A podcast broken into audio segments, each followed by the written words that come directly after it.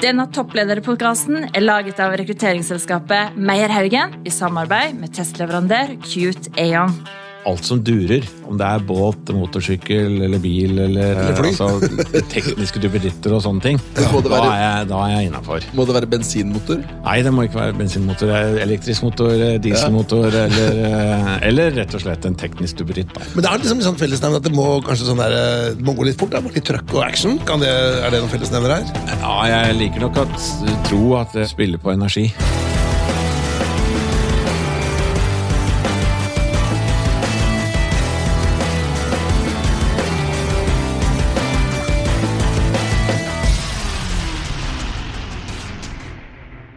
Ja, Sverre. Da har jeg ordentlig gleda meg, for vi har en kjempespennende gjest i studio i dag. Ja, og Noen vil kanskje nesten si at vi flyr litt høyt med den gjesten her. på et vis. Ja, og Den joken har du sikkert hørt før. og Det er Abraham Foss, og det er konsernsjef i Avinor. Velkommen til deg. Takk skal du ha. Og Jeg har gleda meg så til å prate med deg, for jeg kommer fra en by med flyplass. Et stor flyplass, eller? Jeg vil ikke si det er storflyplass, men det går i hvert fall eh, avganger fra eh, Nordens eh, Detroit, som jeg kaller Notodden, og så går det videre til Bergen. Det gjør det, altså. Ja da, Det er en ganske stor flyplass. Har du vært på Notodden? Ja, jeg, jeg er vokst, vokst opp fem mil fra Notodden, så jeg har vært der noen ganger, ja. Ja, Så nå skal ikke dette bli en sånn Notodden-podkast, men det kunne det fort ha blitt. Men du kommer altså fra Hvittingfoss i nærheten av Kongsberg. Ja. Det er bare en, en kort kjøretur fra Notodden. Men jeg, jeg må jo spørre nå, Er det faktisk sant at det er kommersiell drift på Notodden flyplass? Ja, ja det er det. mye flyopplæring. Ja. Opplæringsaktivitet. Ja, det er ikke en del av Avinor-systemet, men det er, eh, men det er en del eh, opplæringsaktivitet på Notodden. Ja. Og så er det mye seilflyvirksomhet der. Og så er det som sagt det går fly fra Notodden til eh, Bergen. Sånn er det. sånn er Det Men du, det er ikke primært Notodden vi skal prate om. Vi skal prate om Avinor, vi skal prate om eh, flyindustriens framtid, vi skal prate om eh, bærekraft og, og hvordan dette langstrakte landet blir bundet sammen av flyindustrien, som er veldig viktig. Men kan ikke du Abraham, kan ikke du fortelle litt om, mer om deg og din bakgrunn? Eh, Jeg kommer jo da fra Yttingfoss, eh, vokste opp på gård og har hatt en gård som jeg eh, har drevet nå de siste 25 åra. Overdratt til min datter nå. Uh, har da, da har en profil som har jobba med i mange bransjer, og ulike roller, egentlig. Så jeg har hatt veldig fleste roller i en som sitter rundt et lederbord. Uh, Mange år i Dyno, mange år i Telenor, uh, mange år i i altså Nycomed, bank, eh, bankverden og eh, Innovasjon Norge. eh, Og, eh, og da nå i, eh, og i Telia da, i mange år. Og da både som eh, ansvarlig for marked, eh, økonomi, forretningsutvikling, operasjon, eh, altså drift, eh, og administrerende av de siste åra. De siste fem åra for eh, Telia, og nå da for Avinor. Veldig spennende bakgrunn, da. Ja, og det er det som er fantastisk. Jeg har jo tjuvkikka litt på CV-en din. Altså, det går jo rett inn i det vi skal prate litt om senere, med personlighet, topplederskap. Kan man lede forskjellige ting, eller hvordan henger dette sammen? Men det, det, den, den rosinen i pølsa skal vi spare. Men jeg må jo spørre da, Hørte jeg det riktig at du sa at du har drevet en gård samt, samtidig med de greiene her? Eh, altså, ja, eh, altså, jeg kan ikke si lokalt at jeg er bonde, for det er ingen som tror meg. Men, så jeg bruker det for alt det jeg har vært eh, her i, her i Oslo. Men altså, jeg har eh, eid og drevet eh, min eh, fars gård. Ja. Eh, og, eh, så jeg vokste opp på traktor, altså. Så, så, og, og skurtresker. Ja, for, det- for det er noe med det, altså, du, du lærer jo noe av det. Nå kommer jo jeg også fra bondeland. Petter prøver å skryte på seg at han er det også, fra, fra bygda i Notodden, men det er jo ikke bygda. ikke sant? Men hvis du har bodd på gård, eller vokst opp på gård, så det er du tar med deg noe da, Ja, fra det. Ja, så det, er litt, det er noen sånne verdier. Og så er det litt sånn eh, du må så før du kan høste. Og Ja, ja, det er litt sånne høster ja, ja, ja. Du må jobbe. Ja, ja, ja. Litt, det er litt sånn. Det gjør seg ikke sjøl. Nei. Men du, hvis vi skulle prate Hvis vi ble enda bedre kjent med deg, da, og jeg skulle truffet deg i en eller annen sosial sammenheng, og så sier jeg du, Abraham, hva mener du om Og så treffer jeg klokkereint på favorittemaet ditt, så du kan prate om i dagevis på inn- og utpust. Hva skulle det vært? Som ikke Ja, er jobbrelatert. Ja, det er, det er et godt spørsmål, for jeg er egentlig prega av at jeg dyrker mangfoldet. Men eh, hvis jeg liksom skal velge noe, da, så, så alt som har med ski og sport å gjøre, det er jeg jo ivrig på. Også alt som durer. Om det er båt, motorsykkel eller bil eller, eh, Eller fly. Altså, tekniske duppeditter og sånne ting. Ja. Da er jeg, da er jeg innafor. Må det være bensinmotor? Nei, det må ikke være bensinmotor. Elektrisk motor, dieselmotor dieselmotor eller, eh, eller rett og slett en teknisk duppeditt. Ja. Men det er liksom sånn fellesnevn at det må sånn der, eh, det må gå litt fort? da, Litt trøkk og action? Kan det, er det noen fellesnevner her? Ja, jeg liker nok at tro at det spiller på energi. Ja. Så, så jeg er vel, er vel kanskje litt over snittet eh, energisk. eh, Av og til litt for mye, kanskje. Men Det kommer vi tilbake til senere, tror jeg. Men Ja, ja. jeg må stille deg et spørsmål før vi slipper helt liksom, det private. da. Og det er et spørsmål vi har stilt veldig mange andre toppledere, som, som kanskje ikke er så viktig for deg, men det er veldig viktig for meg, Petter. Hvis du måtte velge mellom enten fotball eller jakt, hva hadde du valgt da? Nei, det er fotball. Yes! Yes! Jeg hadde så troa på deg, Abraham! For du kommer jo fra gård og Ja, ja. Nei, jeg har vært aktiv fotballspiller. Oh, ja. Men da må jeg spørre, hvilket lag er det du holder med? Nei, jeg har egentlig ikke så mye. Jeg hadde Tottenham en gang i tida, men det er liksom eh, Nei, nå det har jeg ikke. det. Jeg er ikke så veldig fan. Nei, nei. Men det er jo Vålerenga og United-mann du er, det vet vi jo. Ja, De tapte 5-0, tror jeg. Nå er 4-0, kanskje. 4-0 på Liverpool i går, og det var grusomt. Og grusomt å se på. Men, men. Ja, dette ble liksom litt dystre podkast å komme på. Men da går vi over til de tre kjappe, Sverre. vi gråter med deg. Ja. Du, Abraham, på slutten av podkasten skal du få lov til å svare på det vi kaller tre kjappe. Det er da tre spørsmål som du nå får introdusert, men du får ikke lov til å svare helt enda. Det første av de, det er hva mener du selv er den største tabben man kan gjøre som toppleder? Eh, og nummer to eh, Hvis eh, du skulle gi et karriereråd til en aspirerende toppleder, noen som har lyst til å ta liksom, steget opp, hva skulle det være? Og det tredje spørsmålet, da skal vi gå litt sånn mer inn på privaten. Hvis du kunne komme med én bokanbefaling, hva som helst, noe du gjør, det kan være skjønnlitterært eller fag, det er opp til deg. Det er de tre du skal svare på på slutt. Ja. Og dere som lytter, kan også tenke på du, hva hadde jeg svart hvis jeg var i Avinor-sjefens uh, sko. Men vi tenkte vi skulle prate litt om Avinor. da. Det er en organisasjon som alle har hørt om. Vi gjorde litt research og fant ut at det er 50 millioner flyreiser i Norge hvert år. Og hvis du da hadde bare tenkt nordmenn, så hadde jo bare nordmenn flydd ti ganger i året. Men det er jo en del utlendinger også her. Men er det, det er utrolig mye flyreiser, da. Ja, altså dette, dette Vi måler jo flyreiser både når du lander og når du, når du eh, tar av. Sånn at det er jo Det blir ikke, det blir ja, ikke det er bare 25 Så det blir ikke fullt så mye, men, det, men, Ah, men, men, budskapet er likevel Ja. Vi er en av de nasjonene som flyr, flyr mest Ja. Er per, det, ja? per capita. Ja. Så, så, som jo er, ofte er kobla også til eh, velstand i et eh, samfunn. Ja. Så det er mye flyreiser, men også er det jo mye utlendinger, selvfølgelig. Sånn at eh, det er jo ikke bare nordmenn som, eh, som flyr her. Nei, men så er det jo et langt, langstrakt land. da, Hvis du sammenligner sånn som Danmark, da, som er innenriks luftfart, så er det null. ikke sant? Det er fra kanskje Århus til København, men det er jo ti flyreiser i året. Ja. Eh, mens Norge så er jo Tromsø til Oslo du, Det er lettere med fly enn med bil. Ja, altså fly, fly spiller jo en helt annen sentral samfunnsrolle i Norge enn f.eks. Danmark. Ja. Og i og for seg også til dels i Sverige. Ja. Eh, men enda mer kobla til Danmark. Og det er, så, så det er jo mange steder hvor, eh, hvor man enkelte ganger kan kjøre bil eh, fra en flyplass til en annen i eh, Nord-Norge, men andre, andre tider av året kan du ikke gjøre det. Og, Nei, ikke så det, det, er, det spiller en helt annen samfunnsrolle. Og det, men det er, jo ikke, det er jo selvfølgelig ikke de som drar de store antall passasjerene, men det er en veldig viktig del av hvordan det norske samfunnet er eh, organisert. da. Ja, ja. Men jeg må jo spørre da, for det er klart når man snakker om Avinor, så snakker man fort om fly, og man snakker om flyplasser, vi begynte med Notodden osv. Men er det ikke sånn at dere egentlig bare er noen store kjøpesentre, Ja. hvor flyet tilfeldigvis lander? Ja, altså det, det er en spennende virksomhet vi driver med, og vi driver også med det. Ja. Så, vi, eh, så vi, har jo en, vi er jo en virksomhet på med cirka, altså hvis du tenker før pandemien, ca. 12 milliarder i omsetning. Og over halvparten av det er kommersielle inntekter. Ikke sant? Eh, Så, sånn at, eh, men det er kommersielle inntekter som både har med restaurantdrift, taxfree, hotell, eh, parkering, tilbringertjenester, den type ting. Eh, Så vi driver veldig mye med, med, med, med det gjennom partnere. Også, men vi styrer jo på en måte eh, infrastrukturen på, på bakken, men vi styrer også eh, lufta. Ja. Eh, Både militært og sivilt. Eh, Slik at, eh, slik at det er eh, både drifting og utvikling og bygging av infrastruktur. Så vi har jo ca. ja, ca. 1000 prosjekter gående.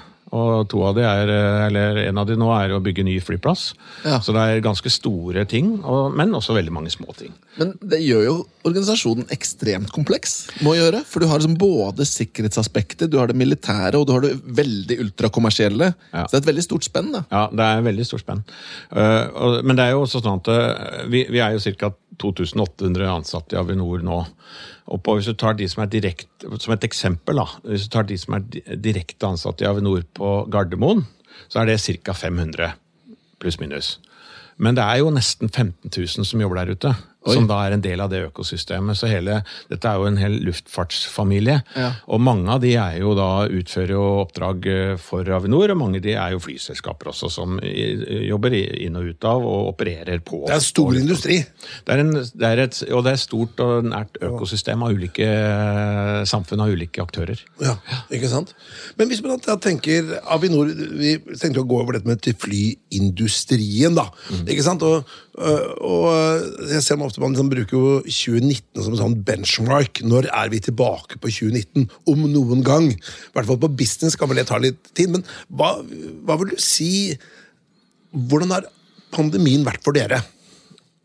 Eh, altså den, eh, altså, så langt har det, her vært en voldsom uh, stor utfordring for oss uh, hvis vi tar fra 2019. Vi uh, mista jo eh, Utenlandstrafikken gikk jo ned fra 100% til 2% i løpet av omtrent over natta. Ja. Eh, og det er klart at når du da er av, du har forretningsmodeller som er basert på enten avgifter som er knytta til antall passasjerer, eller inntekter som er knytta til antall passasjerer, Ja. og 98% forsvinner, så er det en viss utfordring. Ja. Og det, så vi har jo da totalt sett i løpet av pandemiens tidsrom eh, mistet ca. 14 milliarder i, i eh, omsetning. Eh, og det er jo betydelig. Så har vi fått, eh, og det, det, det har vi da delvis eh, fått kompensert via kommet inn på statsbudsjettet. Uh, Ca. halvparten. Men halvparten dreier seg om å kutte kostnader, kutte investeringsprosjekter og tære på egenkapital. Vi er jo et AS, og vi er jo organisert med egen balanse og har eh, drøye 20 milliarder i, i eh, eh, lånekapital ute i markedet, så vi er jo sånn sett et helt eksternt eh, selskap, men 100 eid av staten. Ja. Så det, det er jo pandemien. Det kan ikke gå konk. Eh, i, I prinsippet kan vi jo det, eh, men jeg vil jo si at eh, vi, har er en sterk, vi har en sterk eier og en sterk, Ja. stor samfunnsrolle. Det er jo et sektorpolitisk virkemiddel. Ja. Men, men det er ikke noe det er ikke, det er, Og det er sånn det skal være. Det er stort press på at Ja. vi, skal, vi har en veldig bra finansieringsmodell som fungerer bra når flya går, fungerer dårlig når flya står på bakken. Ja, ja. Vi har jo liksom ikke bygd opp for, å, for at en pandemi. For å si Nei, sånn. Ikke sant. Men så går vi jo da framover, eh, og nå går det jo eh, Vi ser jo at det går eh, framover nå. Hadde veldig bra påske nå. Det er jo litt sånn, jeg skal ikke si ketsjup-effekt, men det er stort Jeg var ute og fløy sjøl i påsken, jeg, så Ja. så, så, så, så det, er jo, det er jo bra. Eh, For, for vår rolle er jo å legge til rette for at samfunnet skal kunne bevege seg. Ja. Og så har vi jo andre diskusjoner vi skal ta etterpå i forhold til langsiktige bærekraftsutfordringer. Ja. Men det er en annen problemstilling. Eh, Så vi eh, men, men det er jo vårt Så vi, vi har nå en veldig stressa situasjon. Eh, Og eh, det er jo da forsterka av at samfunnet og norsk økonomi går jo så det griner, Ja. for å si det litt folkelig. Eh, Og Sånn at pandemien er jo avblåst økonomisk i, i samfunnet i stort. Men for luftfart så er det på ingen måte avblåst. Så både flyselskapene, alle de som jobber for flyselskapene og flyplassene, og Avinor, er veldig stresset eh, økonomisk. Ja. Og det kommer til å være i lang tid. For det er, en stor gjeldsgrad som har økt, ikke sant? I Ja. akkumulert gjeld da, i løpet av to år. Det gjør det. så hvis Vi ser, eh, vi er jo også en del av et sånt uh, sammens, sammensl- uh, en gruppering av europeiske flyplasser, eller egentlig internasjonalt. Og Der er jo gjeldsgraden gått opp noe enormt, hvis vi ser det totalt i, i Europa og i resten av, av, av verden. da. Så, det er, eh, så det, og dette kommer vi til som bransje eh, kommer på ingen måte til å være over kneika i år eller til neste år. Eh, Det kommer, det kommer til, vi kommer til å dra med oss de konsekvensene over lang tid. Men trafikken ser vi vil ta seg opp så det, Ja, ja. til det spørsmålet. Så tror vi at vi er eh, mot mellom 90 og 100% av 2019-nivå i løpet av 2024. Ja. Men det er jo en stor forskjell mellom leisure og business. da, ikke sant? Sånn som Vi tenker bare på meg selv ja, og de jeg prater med. så Alle er jo veldig solhungre og har lyst til å reise på ferie. så Den er vel sikkert ganske kjapt opp. Men den der fakir-flighten til eh, London eller Stavanger, eller altså business-delen, den kommer kanskje alltid tilbake? Nei, Den vil jo, den vil i hvert fall uh, reduseres. Og så er jo ikke det en, det er jo ikke en helt ny trend. Men den er jo forsterka gjennom For nå har vi jo hele verden trena på digitale kanaler i de siste to åra. Men det er jo ikke en ny trend. Jeg kommer jo fra Telkom, og jeg har jobba fra den motsatte siden. Eh, Nettopp for å legge til rette for, å, for, for dette her. Uh, og eh, så, så, så det vil skje. Samtidig så er det mange arbeidsreiser som, som er og vil framtida også være drevet av at eh, ting skal gjøres fysisk. Det er, det er veldig mange ting i næringslivet som ikke kan løses per digital kanal. Ja. Altså Skal du gjøre, bytte ut en pump et sted, så kan du ikke gjøre det på, eh, på en eh, digital kanal. altså. Nei, ikke sant? Sånn at, så For å bare ta et eh, litt sånn Men, men de der pratemøtene, da, for å si det på den måten, de der du skal møte en, en investor i London, eller du skal ha et morgenmøte i Bergen, Ja. der, Der vil du få en der vil det være en varig endring. Absolutt. absolutt. Ja. Så, og så tror jeg jeg skal skille mellom det som er jeg kan kalle rene transaksjoner, der hvor møte du møter gjerne folk du, ikke har, eh, gjerne folk du kjenner. Det er en ren transaksjon som skal skje. Mm. Ja, ja. Det tror jeg kommer til å løses mer effektivt ved, ved å ikke reise. Ja. Men der hvor du har en mer utviklingsagenda, og hvor dynamikken i rommet blir et poeng, så har, har man lidd i pandemien. Det vet vi alle sammen. at liksom, Der hvor det er litt vanskeligere og litt mer sånn u, u, litt eh, krevende prosesser, og du skal få dynamikken i rommet til å skje, Ja. da må, da, så, så jeg er ikke sikker på om Jeg tror nok at jeg tror ikke vi går så langt tilbake som det man liksom umiddelbart uh, sa. Men eh, det, tiden vil vise det. Ja. Så, men hvis du da tenker flyindustrien om ti år, da. Eh, har du gjort noen beregninger på det, eller er det noen sånne eh, glasskuler dere ser inn i? Eller det er sikkert mange eh, som prøver å se inn i framtiden her. Ja, nei, vi, Jeg kom akkurat fra møtet i dag, hvor vi har gått gjennom da forventninger fram mot 2030. Ja. Hvor vi også bruker bl.a. TØI-analyser til, å, til å se inn i glasskula. Vi sammenligner det mot det som skjer både på på, i, på flyplassene og på fly, eh, altså luft, eh, luftstyringa i Europa. Eh, og, eh, så, så der ser vi, at, eh, og det vi forventer, at du vil ha plusser og minuser. Ja. og du har noen store trender, men det, det, underliggende er at vi forventer at ting vil ta seg opp igjen. Det er, selv om du har globale krefter som drar i forskjellige retninger, så, vil, så vil ikke samfunnet låses ned. Altså, det, er, det, er, det er et globalt samfunn som har kommet for å bli. Du begynner ikke, altså, og så lenge du, lenge du tar det som ut, ut utgangspunkt, så vil, eh, så vil behovet for å reise også i framtida være til stede.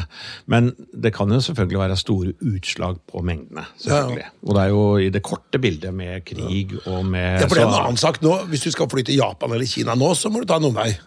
Da kan vi ikke fly eh, sånn som vi altså Vi har en betydelig nedgang av eh, såkalte overflyvninger over Norge. Ja. Som, eh, som, eh, så- hvor de ikke lander, men som rutene fra India til Canada eller fra Asia til Europa eller den type ting. Og der er det en stor effekt eh, av, eh, av krigen. Ja. Eh, og vi tror også, som en følge av pandemien, at eh, det transatlantiske og det transoversjøiske, altså til Asia, det vil ta lengre tid. Ja, Så det er, eh, det er eh, innenlandsmarkedet og det europeiske markedet som vil da tas opp først. da. Men Hva med sånn som bærekraftsproblemstillinger? da? Altså I forhold til grønn, grønne fleiter? da? Ja, altså den, det, Her skjer det jo enormt mye. Og personlig, og ikke minst eh, altså Avinor som organisasjon, har definert Vi har vært gjennom en ganske sånn omfattende strategisk eh, gjennomgang de siste tolv månedene. Eh, Og vi har definert bærekraftsagendaen bærekraftsagenda som, som en av de viktigste eh, strategiske milepælene. Eh, pelene vi må sette i bakken. Og eh, jeg, jeg liker å tenke sånn at eh, enten så har eh, flyindustrien og luftfart eh, funnet eh, mer bærekraftige måter å transportere mennesker på om eh, 15 år fra nå.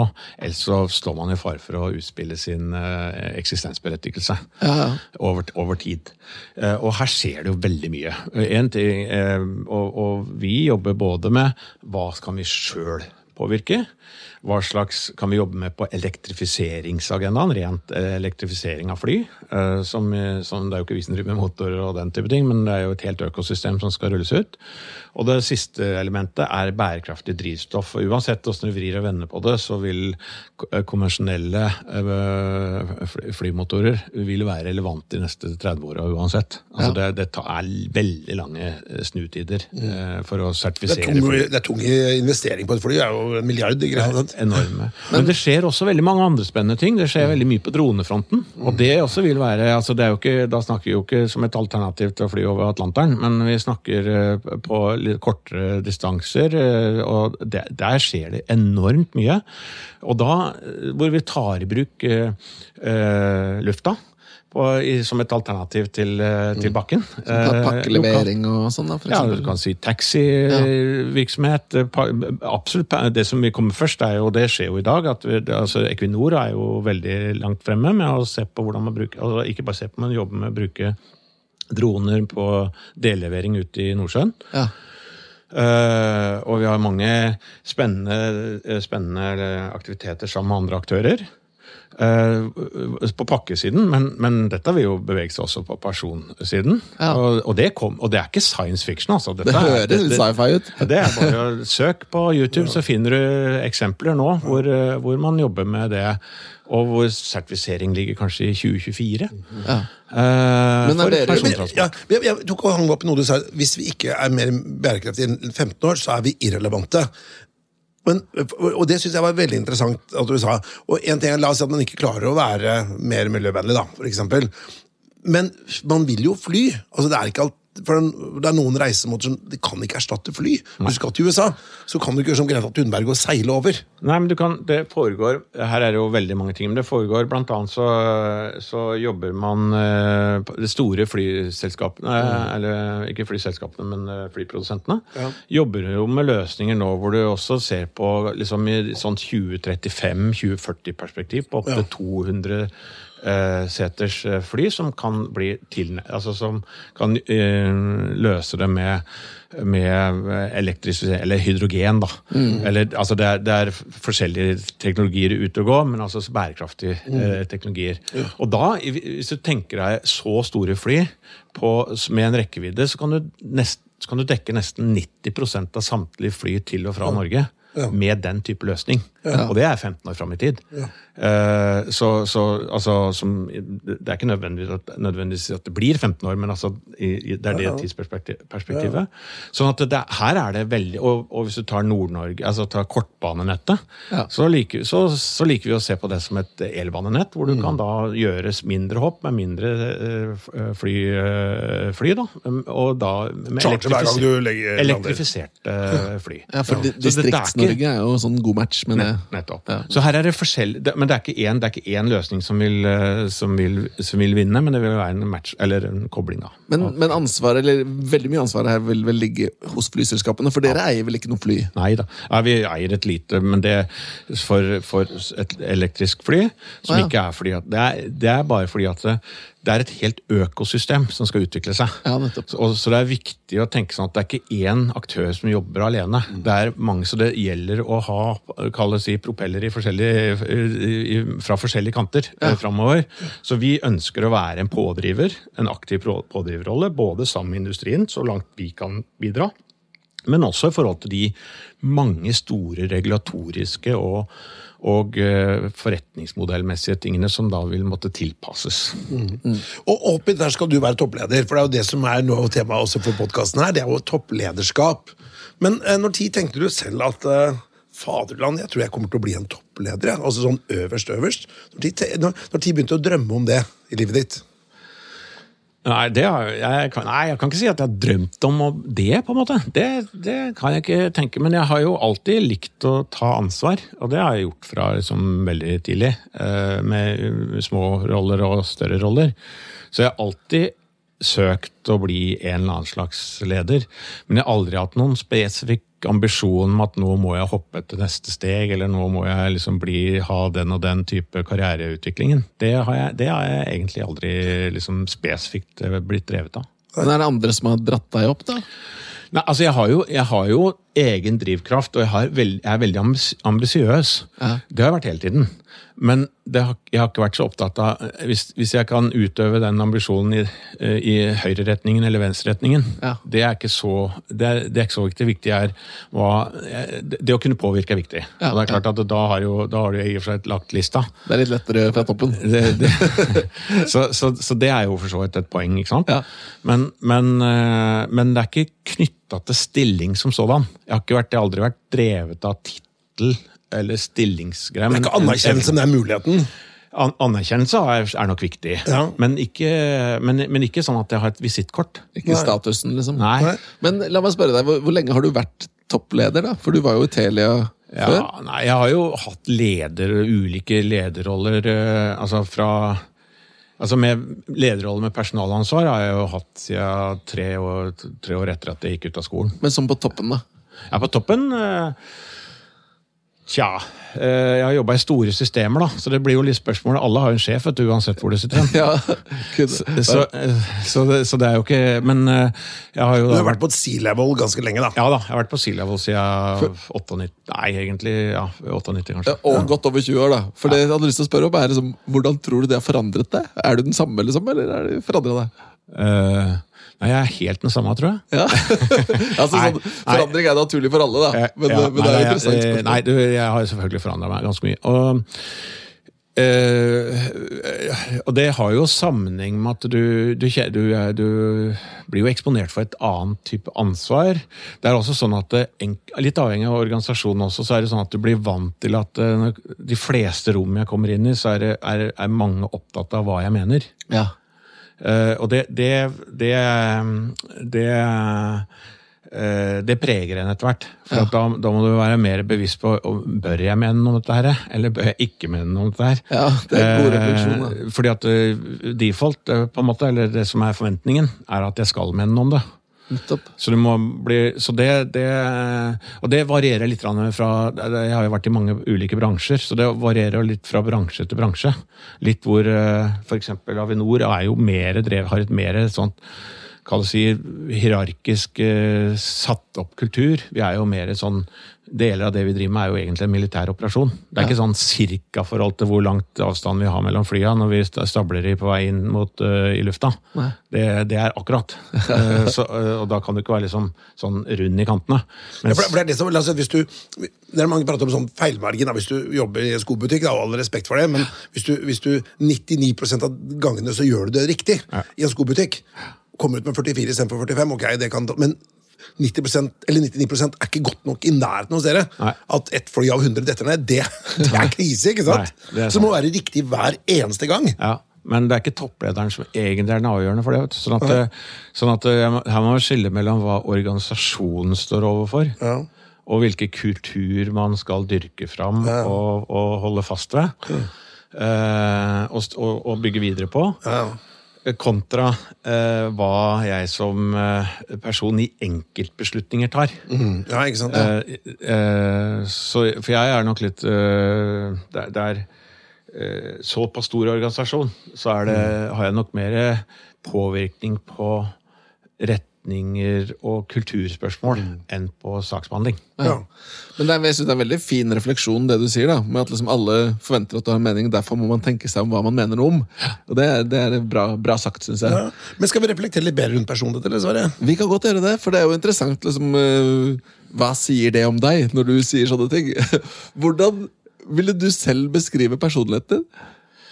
Jeg tror jeg er ganske åpen. Ja. eh, transparent. Eh, jeg, tror, eh, jeg mener sjøl at, altså, jeg mener selv at jeg er ganske rasjonell og analytisk. Ja. Det er ikke sikkert at uh, min kone vil være enig i det alltid, men, uh, men, uh, men altså, jeg, jeg tror liksom jeg er, er drevet av det. Veldig opptatt av veldig opptatt av å lage, på en måte. Ja. Eh, Jeg, ikke, jeg prøver å ikke plassere meg sjøl i, i, i midten. Det, ikke, ikke, det lykkes jeg absolutt ikke med alltid, altså. Men, eh, men det er på en måte det er en, en, en viktig driver. Ja. Eh, jeg er, er nok opptatt av å Når jeg forstår og tar beslutninger, hvis jeg tar framdrift i en organisasjon, så er jeg opptatt av å finne ut at altså, tid er også en faktor. Sånn at det, det dreier seg ikke om å finne 100 eh, eh, riktig løsning i et, et eh, teoretisk vakuum. Fordi tid er en faktor, så, må du, så, så må du faktisk kompromisse på hva som er den absolutt riktige tilnærmingen, og hva som er kombinasjonen av tid, Tid, pris og kvalitet. Ja. Altså, er, er det du sier der, er liksom det at Noen ganger er det bedre å ta en avgjørelse selv om den er feil? Ja. ja Det er mye bedre. Ja. Og det, så så noe, noe av oppgaven igjen for en, for en eh, leder i, altså en toppleder da, er, vil jo da være å finne ut hvilke type beslutninger må man ha mer sånn nøyaktig eh, styr på og, og oppfølging på. Hvilke type beslutninger må du rett og slett bare ha retnings og peke med hele handa og bare kjøre, legge til rette, fjerne hindre. Ja. Uh, og hvilke ting jobber du mer med, ikke saksnivå i det hele tatt, men hva, hva skal til på innsatsfaktorene? Om det er folk, om det er ledere, om det er kapital, om det er teknologi, eller den type ting. Men hvis jeg spør deg det er jo sånn, ikke sant, Du nevnte dette med Det er ikke sikkert din kone, min kone er enig, sier du. Altså, så jeg vet for min del, da. Hvis, jeg, hvis kona hadde beskrevet meg, så ville hun ikke beskrevet meg som strukturert. Men noen i jobbsammenheng vil beskrive meg som det, fordi jeg tar ut andre sider hjemme enn jeg gjør på jobben osv. Ja. Hvilke sider føler du at du tar ut mer på jobb enn hjemme, eller vice versa? Jeg, jeg, jeg, jeg tror, eh, i hvert fall får jeg høre, da, at jeg, jeg tror at jeg er eh, Jeg liker å tro at jeg kanskje er mer bevisst på, empatisk eh, på jobb enn hjemme. Det der er veldig interessant. Så det er ikke burde den første sånn, det. det første som sier det. Så jeg, tror- jeg tror det. Og så øh, Ja. Øh, og så tenker jeg sånn at øh, Altså, jeg er jo ikke noen entertainer, så, så jeg kan ikke spille på det, det genet. Men jeg, en del, en, jeg ser på det som en viktig oppgave å, å legge til rette for å, inspirere. Ja. Men inspirere betyr ikke at jeg sjøl er entertainer, men mer å legge til rette for hva skal til for at energien i organisasjonen skal blomstre. Ja, ja. Jeg tror ikke at jeg greier å ta et Jeg tror ikke jeg tenker helt sånn Nei. hjemme. Det, der, nei, det er veldig interessant, og jeg synes egentlig de refleksjonene der er veldig interessante. fordi det, Vi har jo hatt andre gjester tidligere som har snakket om dette med eksempel det å ha et ambisiøst privatliv. Hvordan man kan liksom sette ambisjoner for seg selv. Da. Du, nå skal jeg, Vi har eh, en testleverandør som har eh, tipset oss om eh, noen egenskaper som de mener laster inn på toppledelse. Nå skal jeg si noen sånne utsagn på personlighetstrekk, og så skal du si om du mener at det beskriver deg eller ikke. Er du klar? Overbevisende. Ja, det, det er Hensynsfull. Nei, midt på, midt på tre, tror jeg. Ja. Resultatfokusert. Jeg liker å tro det, da. Ja. Besluttsom. Ah, Over snittet, men Ja. ikke helt eh, Ikke alltid. Ja. Eh, teoretisk. Det kan jeg nok være. Ja. Optimistisk. Um, midt på tre. Ja, jo, jeg er optimistisk. Ja. Behersket. Behersket, ja. Ja, ja. Entusiastisk. ja. Ja. Vel, det, men dette er veldig interessant. Det Ja, er, for, for, Det var ikke mye under der. nei? nei, men det, det som er, for vi har, øh, Dette er jo da 60. topplederpodkasten. 61, tror jeg. Ja, og, og veldig mange er liksom sånn eh, veldig kategoriske i sine egne svar, og det er ikke noe galt med det, men du var litt mer, mer nyansert, litt mer ettertenksom på det, da. Eh, og det er interessant i seg selv, da. Eh, for vi sammenligner jo, eller hva skal vi si når Tankene bak den topplederpodkasten er at er toppledere ganske like? Og, og lederteori sier jo litt om at det er noe spesielt med toppledere.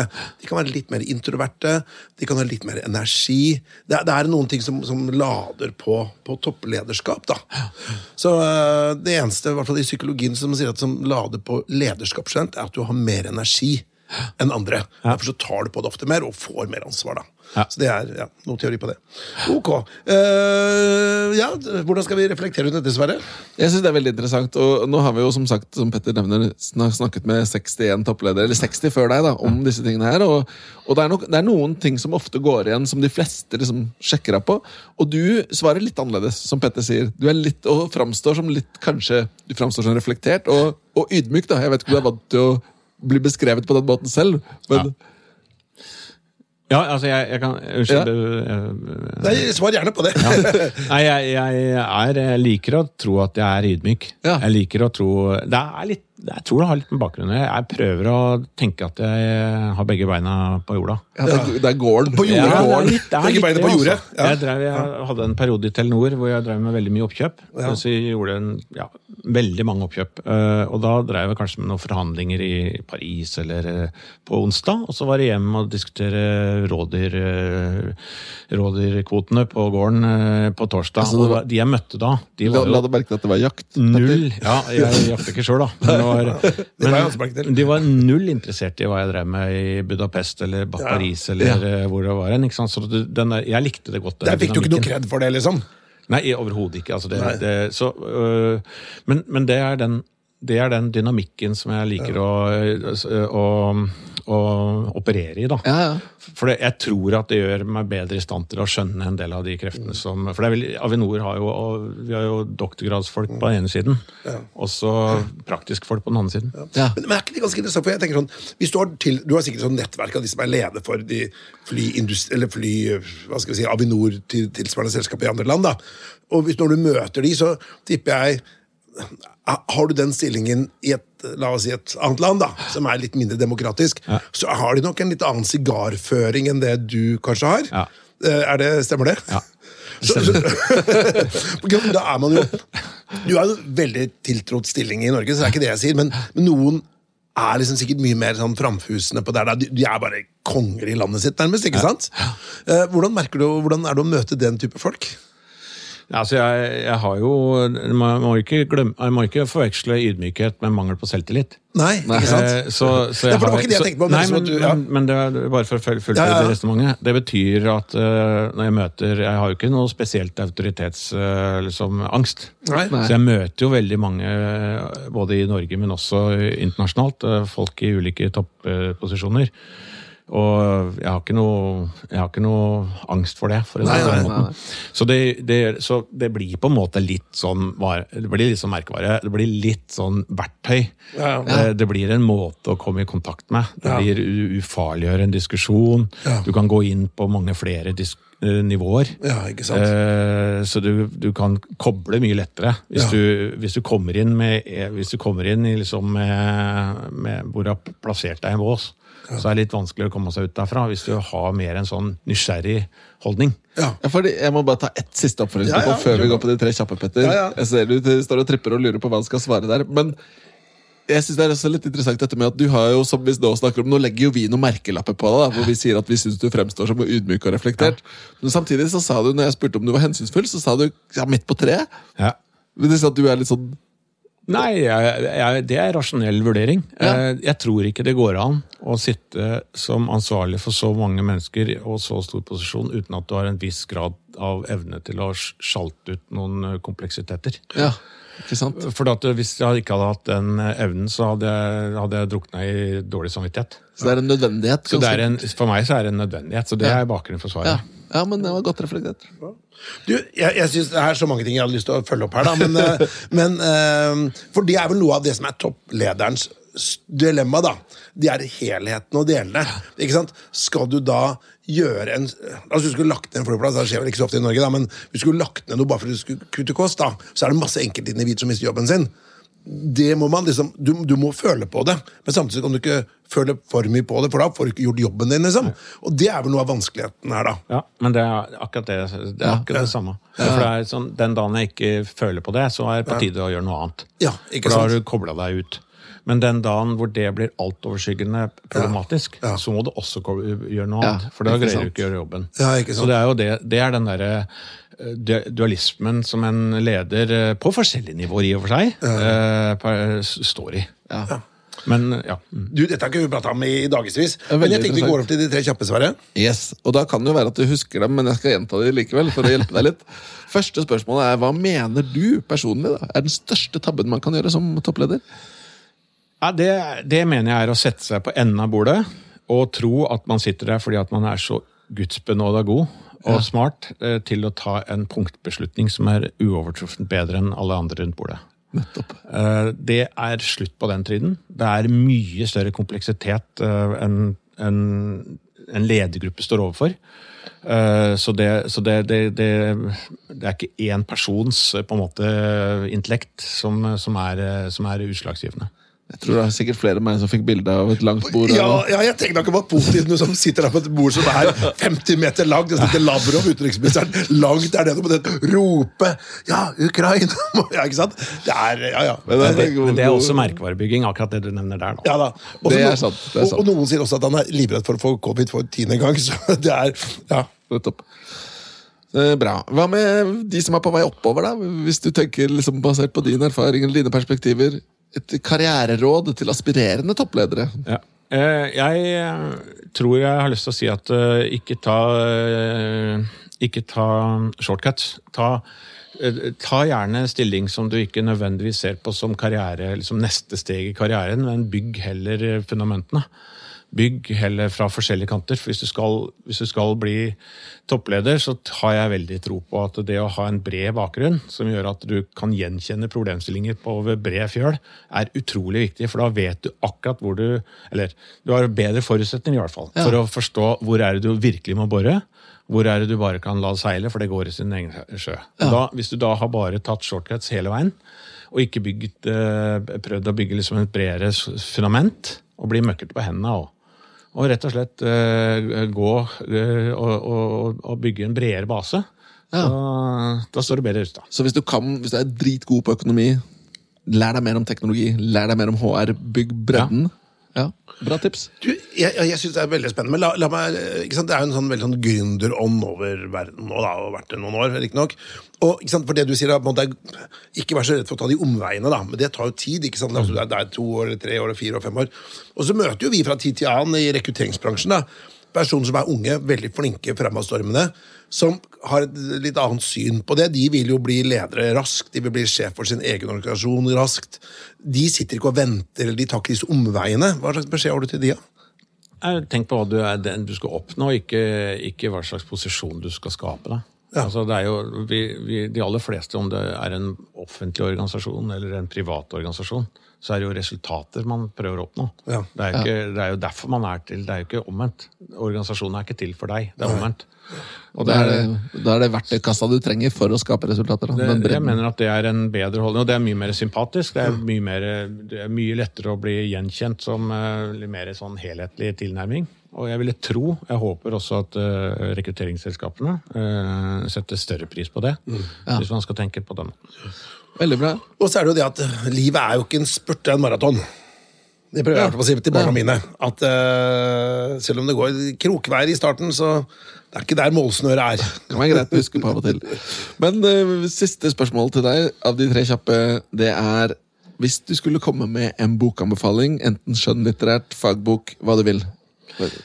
Altså Det er en israelsk forfatter, eh, Harari, som har skrevet eh, Som er veldig kjent, og som mange sikkert har lest. Eh, altså Det er flere bøker om men, Homo sapiens var den første, som gikk tilbake til mange tusen år bakover. Og som har en oppfølger som heter Homo deus, som er egentlig veldig, veldig, veldig spennende. Går over veldig mange fagfelt.